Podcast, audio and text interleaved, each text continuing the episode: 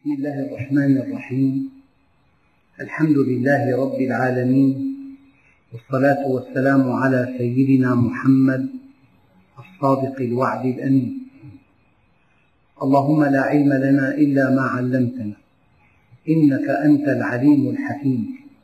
اللهم علمنا ما ينفعنا وانفعنا بما علمتنا وزدنا علما وأرنا الحق حقا وارزقنا اتباعه. وأرنا الباطل باطلا وارزقنا اجتنابه.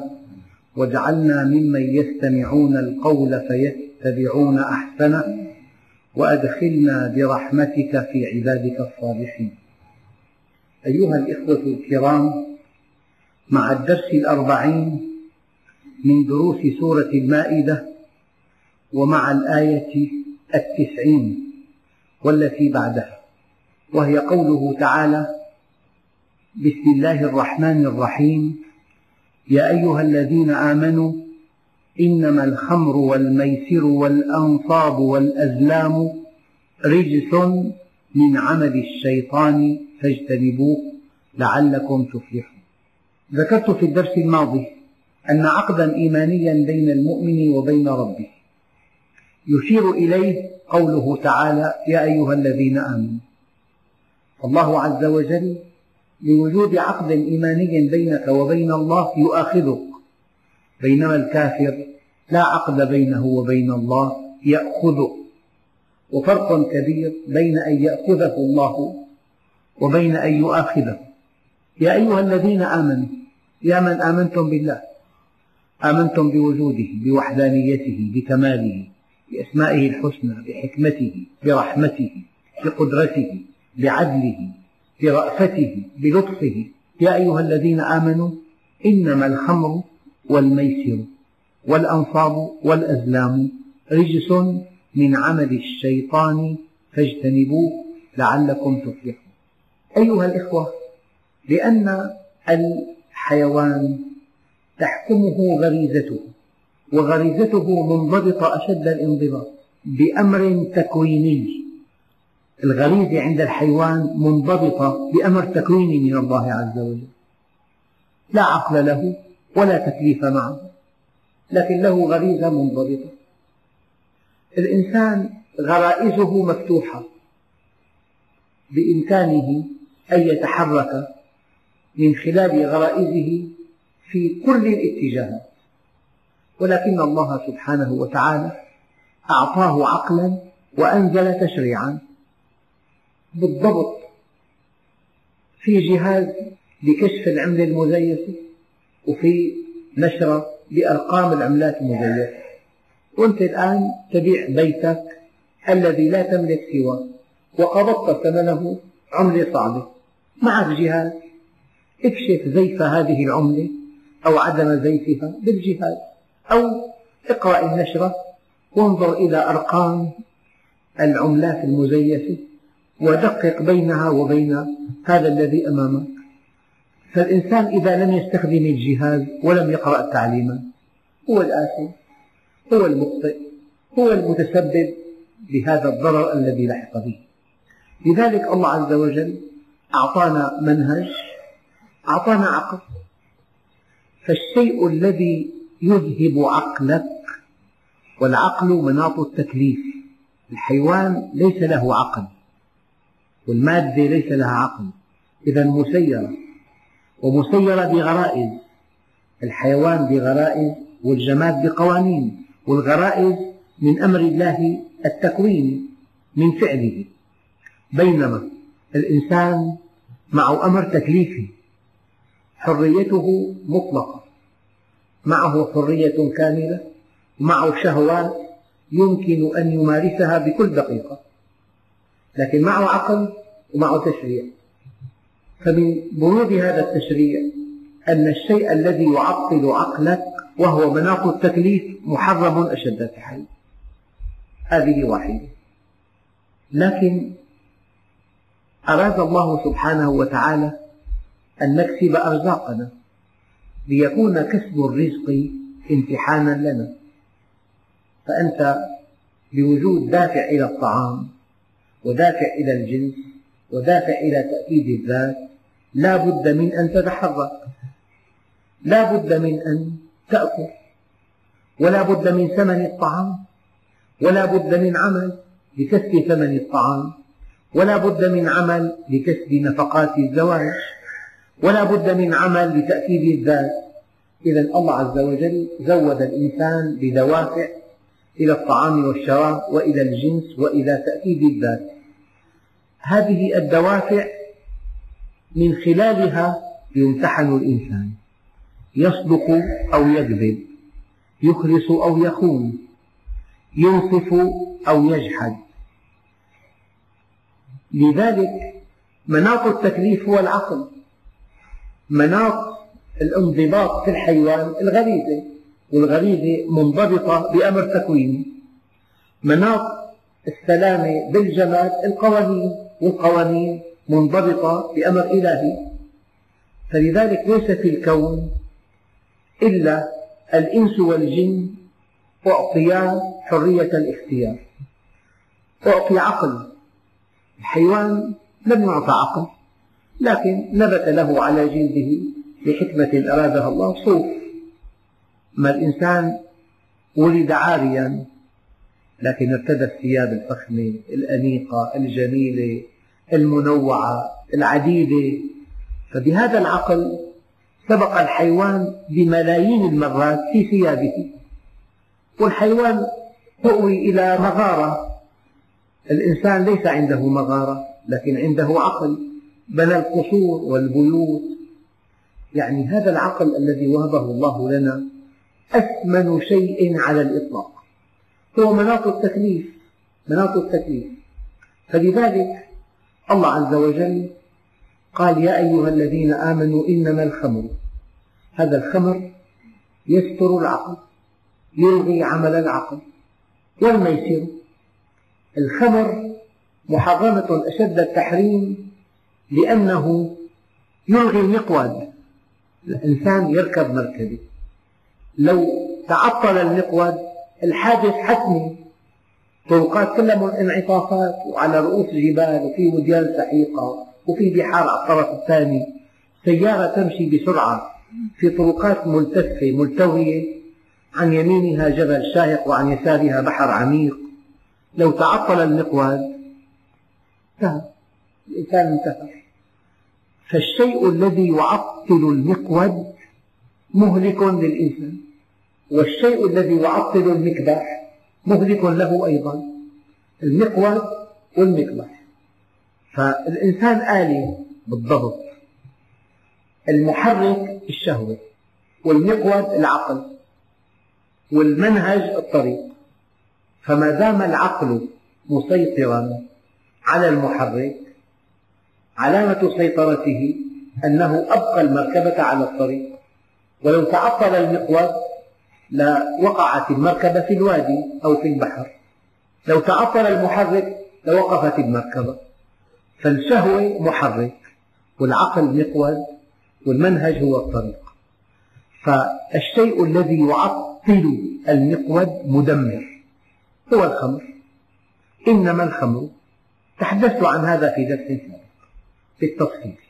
لكن والميسر الميسر طريقة لكسب المال أول شيء فيها وهم كبير أنك سوف تربح وما من إنسان يقدم على الميسر القمار إلا ويتوهم أنه سيربح وعمليا يخسر ويربح وقد يخسر أضعاف ما يربح فلذلك طريقة لكسب المال غير مشروعة لأنها تعطل السعي تعطل الإبداع تعطل التفوق تعطل أن تظهر قدرات الإنسان في إنتاجه.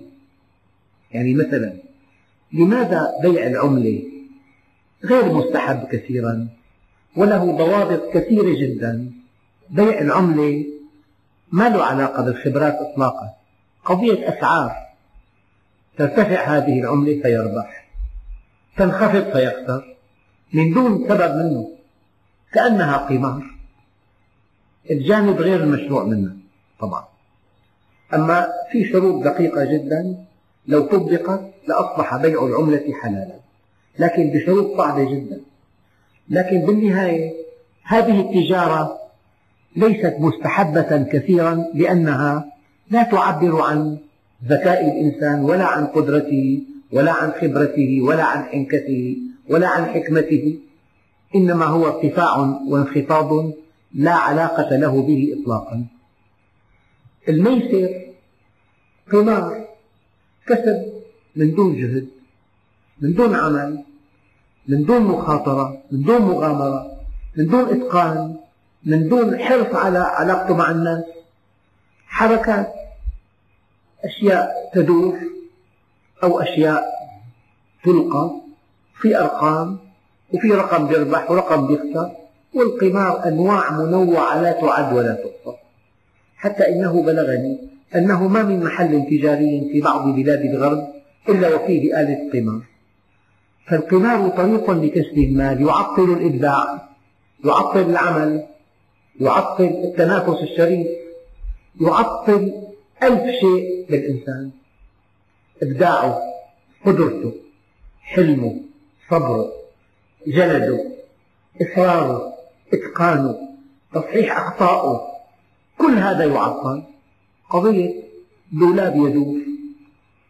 يعني كلها نصيب تماما. يدور الدولاب. هذا الرقم ربح خمسين مليون. هذا الذي ربح المبلغ ماذا فعل؟ ما فعل شيئا. ولا قدم شيئا. ولا يعبر هذا المبلغ عن جهده ولا عن إتقانه ولا عن تفوقه ولا ولا أبدا. فالميسر طريق لكسب المال يعطل قدرات الإنسان. يعطل صبره يعطل ذكاءه يعطل خبرته يعطل إتقانه يعطل إبداعه يعطل الجانب الخير فيه. فلذلك كما أن الخمر تحجب العقل كذلك الميسر يلغي التنافس الشريف في الأعمال. نحن عندنا أصل. الأعمال يجب أن تلد المال وحينما تلد الأعمال المال توزع الأرباح لشريحة واسعة جدا. هي قاعدة. افتح محل تجاري.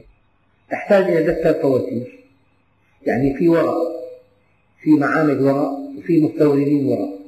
وفي طباعة. وفي آلة طابعة. وفي مطبعة. ولا مستودعات. ولا موظفين. وإلها وسائل نقل. وسائل النقل تحتاج إلى قطع تبديل. المطبعة مئة إنسان ألف إنسان يعيشون من خلال الطباعة. وتحتاج إلى مستودع. والمستودع يحتاج إلى بناء وإلى مواد بناء وإلى طلاء وإلى كهرباء وإلى تنبيت صحي وإلى كم حرفة عملت لبناء مستودع. وتحتاج إلى مكتب وتحتاج إلى سفر. شركات الطيران وشركات النقل وتحتاج إلى شحن بضاعة دون أن تشعر. هذه المؤسسة المتواضعة قد يعيش منها آلاف الأشخاص بشكل غير مباشر. لذلك حينما تلد الأعمال المال تتوزع الأرباح وفق شريحة واسعة جدا. لذلك الكسب المشروع أساسه منفعة متبادلة. والكسب المحرم أساسه منفعة على مضرة. ينتفع إنسان ويضر الآلاف باليانصيب ينتفع الرابح في القمار ويضر الخاسر ينتفع السارق بالسرقة ويتأذى المسروق. أية منفعة بنيت على مضرة فهي كسب غير مشروع. أية منفعة بنيت على مضرة فهي كسب غير مشروع. وأي مال ولده المال فهو كسب غير مشروع.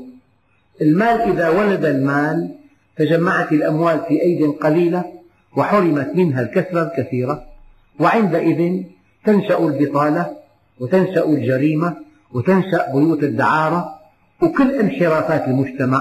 أحد أسبابها التفاوت الطبقي الكبير.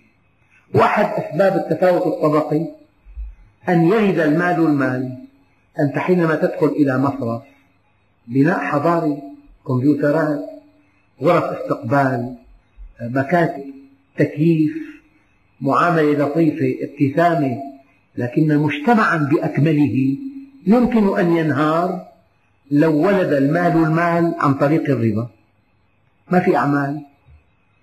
يعني بحث لطيف وطويل. يعني الإنسان حينما يستطيع أن يأخذ فائدة على أمواله إذا أودعها في المصارف ثمانية بالمئة تسعة عشرة إحدى عشر؟ ما عاد يقبل يطرح مبلغ ضخم بمشروع صناعي أو تجاري أو زراعي إلا بربح أربعين بالمئة. العشرة مضمونة مضمونة بيسر بدون جهد. وانت ببيتك مرتاح. ما لك مسؤول. لا بقرار خطر. لا بصفقة خاسرة. لا بعلاقة مع المالية أو مع التموين أو مع الجمارك. كل هذه المتاعب تلافيتها بإيداع مالك بالبنك وتقاضي ربح. فلما كان بالإمكان أن تربح من دون جهد صار طرح المبالغ بمشاريع لا يكون إلا بأرباح عالية. والأرباح العالية تعني أسعار مرتفعة والسعر إذا ارتفع قلت الشريحة المنتفعة بهذه السلعة الكرز بخمس ليرات يشتريه باليوم بدمشق خمسمئة ألف. الكرز بمئة ليرة بشتريه خمس آلاف بمئتين ألفين. فالسعر كل ما ارتفع تقل الشريحة المنتفعة بهذه السلعة كلما انخفض ترتفع الشريحة. لأن الربا يمنع استثمار الأموال في الصناعة والتجارة والزراعة إلا بأرباح عالية. إذا الربا يسهل في رفع الأسعار. الربا يسهل في البطالة. وأخطر مشكلة تعاني منها المجتمعات في العالم البطالة. ماذا يفعل؟ إنسان ليس له عمل. إما أن يلجأ إلى الاحتيال والسرقة واغتصاب الأموال بشكل أو بآخر أو أن يلجأ إلى السفر أو أن يلجأ إلى الحرمان والكآبة وما إلى ذلك. لذلك سيدنا عمر قال له لأحد الأولاد ماذا تفعل إذا جاءك الناس بسارق أو ناهب؟ قال أقطع يده. قال فإن جاءني من رعيتك من هو جائع أو عاطل فسأقطع يدك. إن الله قد استخلفنا عن خلقه لنسد جوعتهم ونستر عورتهم ونوفر لهم حرفتهم. فإن وفينا لهم ذلك تقاضيناهم شكرها. إن هذه الأيدي خلقت لتعمل فإذا لم تجد في الطاعة عملا التمست في المعصية أعمالا. يعني أردت من هذا الشرح أن الخمرة تحجب العقل والعقل مناط التكليف. معك شهوات مفتوحة ومعك حرية اختيار. من هو الضاغط؟ العقل. فالذي يغيب العقل عن العمل شيء مهلك إنما الخمر. هلا أنت عندك قدرات عندك إبداع عندك طاقة عندك وقت عندك عضلات ممكن تبدع تأسس عمل تتفوق فيه تخدم الأمة تصنع صناعة رائجة. نستغني عن استيراد سلع كثيرة بصناعتك بتجارتك بزراعتك. تمد الأمة بمزروعات جيدة ناضجة بسعر معتدل. الإنسان عمل مزرعة تفاح 100 دنم الإنتاج نزل للسوق ساهم الإنتاج الوفير بتخفيض الأسعار. لما ساهم بتخفيض الأسعار ساهم بانخفاض مستوى المعيشة وساهم برفع القوة الشرائية عند الناس. فإنسان يسعى للربح فقط دون أن يشعر خدع الأمة. في أعمال كثيرة جدا تبتغي منها أنت النفع فقط. لكن دون أن تشعر هذه تسهم في خفض الأسعار وفي خفض مستوى المعيشة وفي رفع القوة الشرائية. أما لو الأموال وضعت في البنوك ما في سلاح ما في منافسة ما في استيراد ما في بضاعة. أسعار غالية جدا والذين يربحون الأموال الطائلة قابعون في بيوتهم. هم عالة على الناس ولو معهم ملايين الملايين. أجمل شيء أيها الإخوة أن الناظم للكسب الحلال منفعة متبادلة وأن الناظم للكسب الحرام منفعة بنيت على مضرة كسب بني على حرمان السرقة والربا واليانصيب والميسر والغش والاحتيال والتدليس والاحتكار يعني مئة بند من بنود الكسب غير المشروع ينظمها أن منفعة بنيت على مضرة إنما الخمر والميسر. فالميسر طريق واهم لكسب المال. يلغي الجهد يلغي الإبداع يلغي التنافس الشريف يلغي خفض مستوى المعيشة يلغي خفض الأسعار. هذا تكلمت عنه في الدرس السابق. اليوم والأنصار. الكاهن عنده ثلاث سهام سهم كتب عليه أمرني ربي أن أفعل. وسهم مكتوب عليه أمرني ربي أن لا أفعل. وسهم فارغ. يأتي إنسان يريد الزواج من امرأة. يأتي الكاهن يسحب من هذه السهام الثلاث أحدها. فإذا قرأ عليه أمرني ربي أن أفعل تزوج هذه المرأة. وإذا كان السهم أمرني ربي ألا أفعل لا أتزوجها وإذا جاء السهم الثالث فارغ يجب أن تعيد. السحب مرة ثانية. طيب قد تكون امرأة جيدة جدا وأخلاقها عالية إذا السهم لا تتزوجها السهم ما له قاعدة. السهم لا يدرك. ومن قال إن الله أمرك أن تفعل هذا؟ هذا كلام من عند الكهان ما أنزل الله به من سلطان. كلام ما له أصل الأنصاب إلغاء الاختيار إلغاء التحليل إلغاء التمايز بين البدائل إلغاء القدرة في الإنسان على الاختيار إلغاء خصائص الأشياء إلغاء حسن اختيار الأشياء. كل هذه القدرات ألغيت بهذه الطريقة. قد يأتي السهم لا تتزوج وهي أفضل امرأة.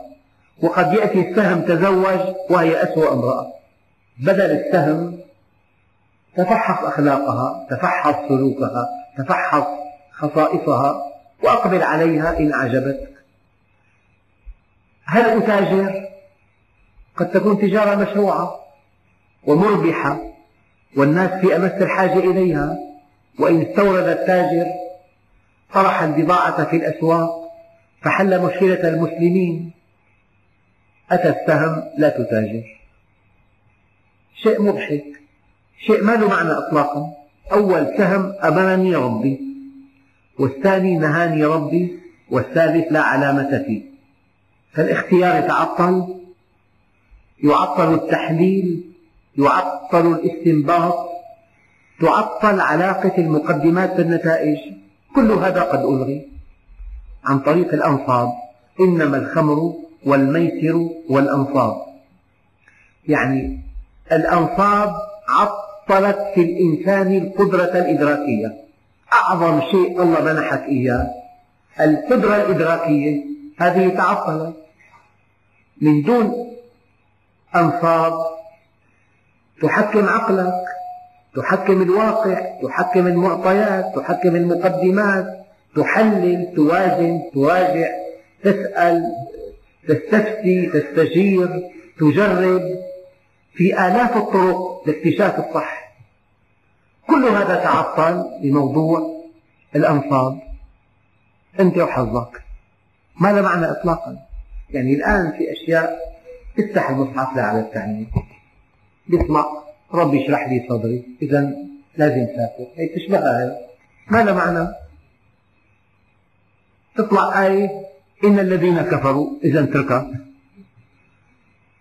أي شيء مو مبني على علم ولا على خبرة ولا على فحص ولا على دراسة ولا على تحليل هذا شيء ما له معنى إطلاقا. فالإنسان من ضعف تفكيره ومن جهله فكان يرتاح أنه الإله أمرني أن أتزوج. من قال لك إن الإله أمرك؟ من قال لك؟ هذا كاهن هذا مرتزق. في الطريقة هي يجمع الأموال الطائلة ويوهم الناس أن هذا أمر إلهي هذا نهي إلهي. طيب لماذا السهم الفارغ ما عديته مباح. لك يستوي فعله وتركه. لا هيك اقترح الكاهن الفارغ عيد مرة ثانية. أنه في رسم على الإعادة شيء مضحك. كسب أموال الناس بالباطل ابتزاز أموال الناس. يعني لو سألت إنسان يشرب الخمر لماذا تشرب الخمر؟ يقول لك لأنني أنسى همومي. طيب هذه الهموم إذا شربت الخمر ونسيتها تتلاشى؟ في عندك مشكلة كبيرة. المشكلة تلغى بشرب الخمر؟ لا تجمل. المشكلة قائمة. فالإنسان بطولته لا أن يقصد على المشكلات ولا أن يجمدها بل أن يواجهها. واجه هذه المشكلة وضع حلول. وقل يا رب توكل على الله عز وجل. استعن بالله ولا تعجل. أما طريق الخمر طريق مضحك. تجميد المشكلة. يعني المشكلة قائمة. تتفاقم. بالخمر نسيت هذه المشكلة. لو أنه الوسائل التي كانت بين يديك غير كافية لحل هذه المشكلة. ادعوا الله عز وجل والله عز وجل يقول أمن يجيب المضطر إذا دعاه. وقد يقول دعوت فلم يستجب لي. نقول له لم تكن مضطرا. أو لم تقدم الأسباب. والذي يدعو ولا يقدم الأسباب يستهزئ برب الأسباب. يا أخ العرب ما تفعل في هذا الجمل الأجرب؟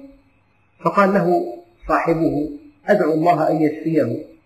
قال له يا أخ العرب هلا جعلت مع الدعاء قطرانا؟ من الثابت أنك إذا دعوت الله ولم تأخذ بالأسباب فأنت مستهزئ بهذا الدعاء.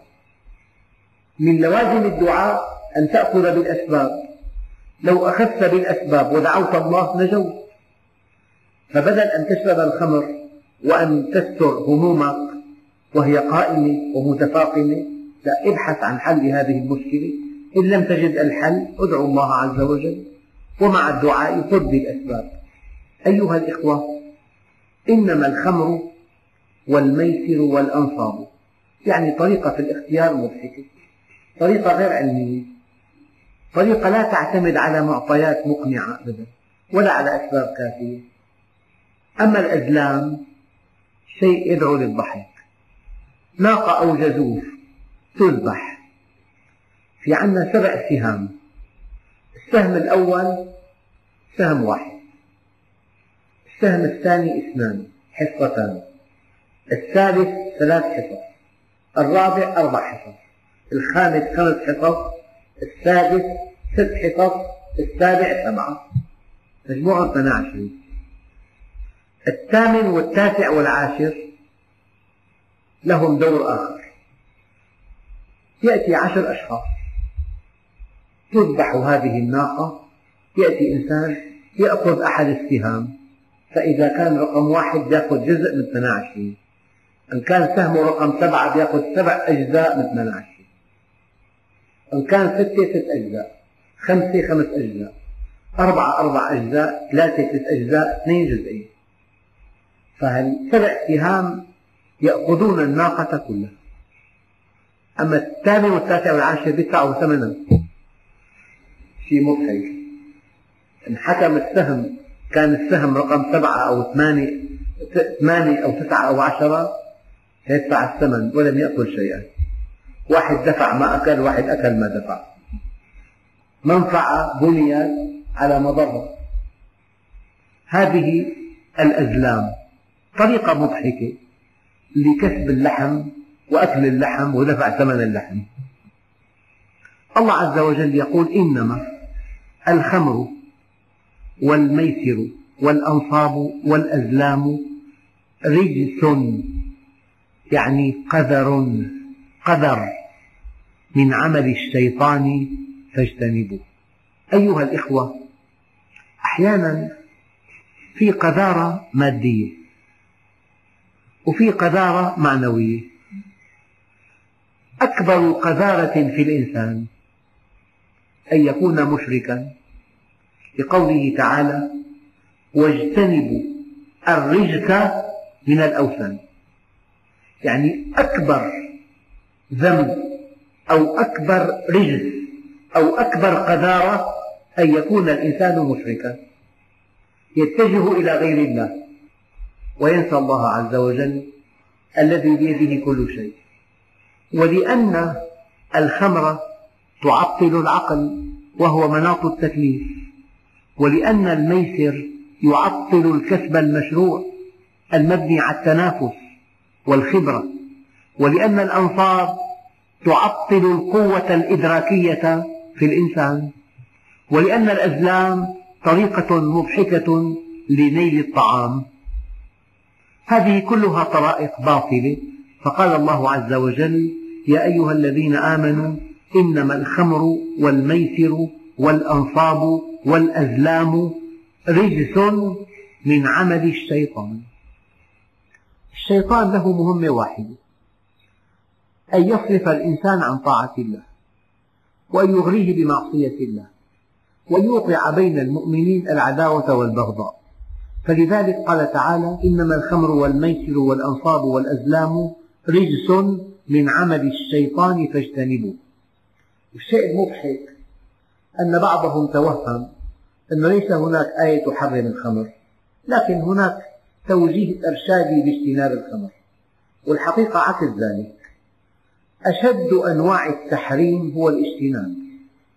لأن لو أن الله عز وجل قال الخمر حرام يعني حرام أن تشربها وليس حراما أن تكون في مكان فيه خمر وليس حراما أن تبيعها وليس حراما أن تتاجر بها وليس حراما أن تعلن عنها وليس حراما أن تعصر العنب ليكون خمرا.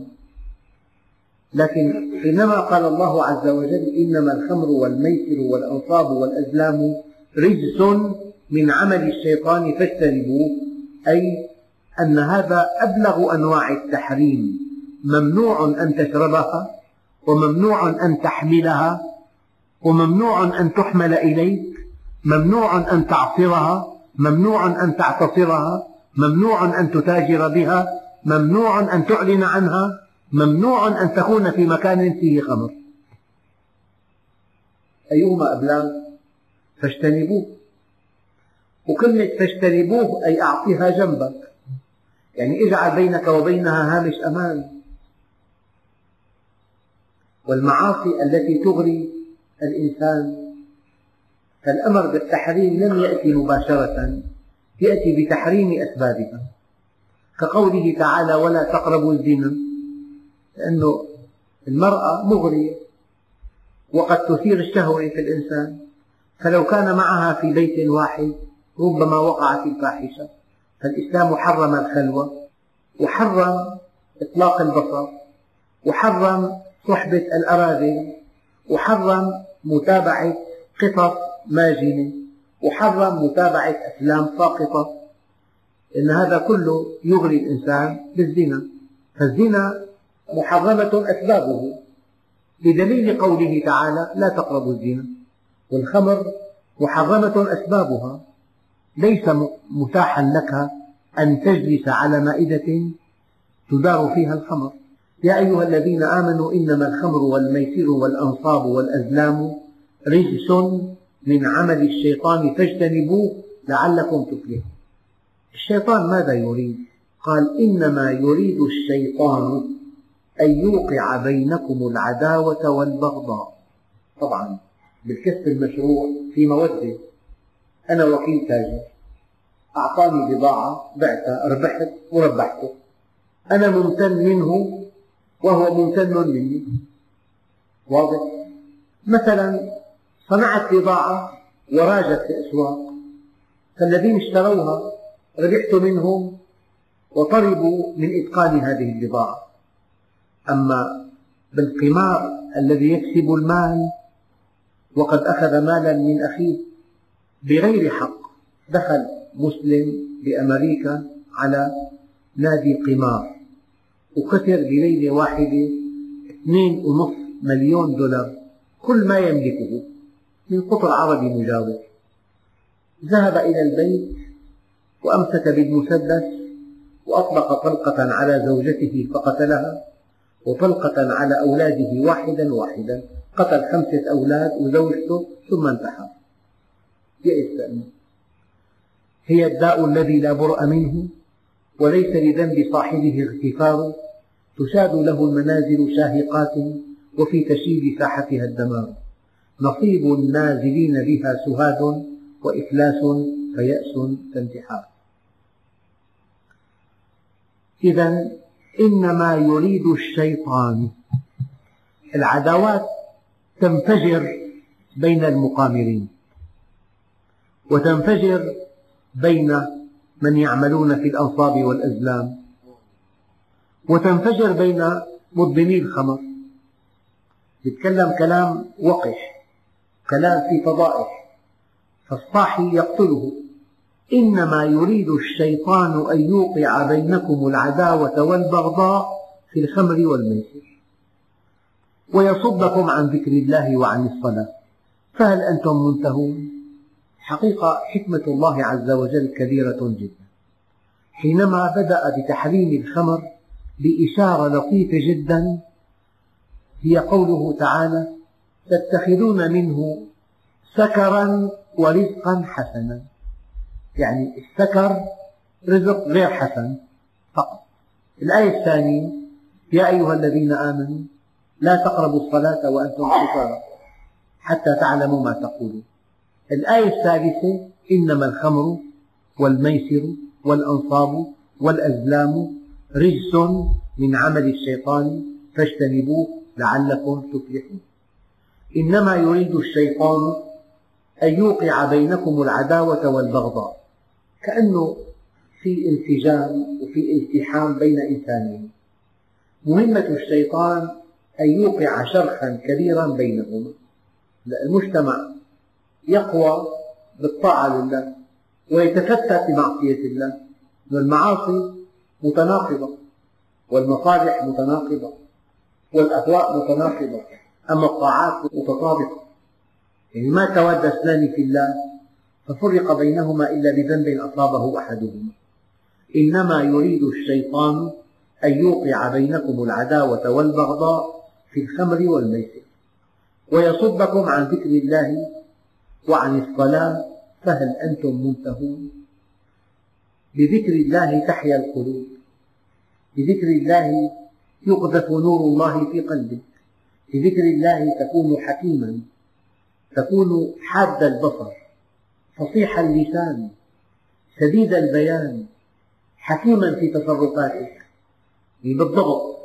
راكب مركبة والطريق متعرج وفي على الأطراف وديان سحيقة معك ضوء قوي. هذا الضوء القوي يكشف لك معالم الطريق. لا تقف حينما ترتكب معصية تطفأ الأنوار. وإذا انطفأت الأنوار وقع المصاب. وقع الحادث. فالإنسان إذا كان مع الله مستنيرا الله عز وجل يقذف في قلبه نورا يريه الحق حقا والباطل باطلا. الدليل يا أيها الذين آمنوا إن تتقوا الله يجعل لكم فرقانا. يا أيها الذين آمنوا اتقوا الله وآمنوا برسوله يؤتكم كفلين من رحمته ويجعل لكم نورا تمشون به. فأنت حينما تكون مع الله يقذف الله في قلبك النور وحينما تنقطع عن الله تقع في عمى وفي ظلام. والله عز وجل وصف الإيمان بأنه نور وبأن الكفر والبهتان ظلام. يخرجهم من الظلمات إلى النور. الشيء الذي يعد مثاليا أن يكون محبة ومودة والتحام بين المؤمنين. والشيء الذي يريده الشيطان أن يحدث شرق بينهما شرق انفصال عداوة محاور خوف قلق مؤامرة كيد نقد تراشق تهم. هذا الذي يريده الشيطان.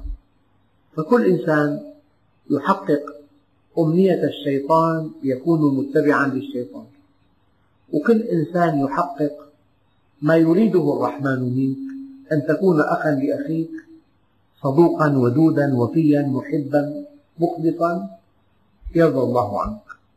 إذا الخمر والميسر والأنصاب والأزلام رجس من عمل الشيطان فاجتنبوه لعلكم تفلحون. إنما يريد الشيطان أن يوقع بينكم العداوة والبغضاء في الخمر والميسر ويصدكم عن ذكر الله وعن الصلاة فهل أنتم منتهون ثم يقول الله عز وجل وأطيعوا الله وأطيعوا الرسول واحذروا فإن توليتم فاعلموا أنما على رسولنا البلاغ المبين. يعني هذا فعل أهل الدنيا يشربون الخمر يلعبون الميسر يستقسمون بالأزلام ويتبعون الأنصاب أعمال غير معقولة وغير علمية وغير نافعة وغير صحيحة وغير مثمرة. هذا من عمل الشيطان. مما يرضي الرحمن أن تعمل. جاءك خيار بين شيئين تحلل تدرس تناقش تمايز بينهما تسأل تستشير. أولي الخبرة من المؤمنين أو تستخير الله عز وجل. وفي درس قادم إن شاء الله نتابع هذه الآيات من سورة المائدة. والحمد لله رب العالمين.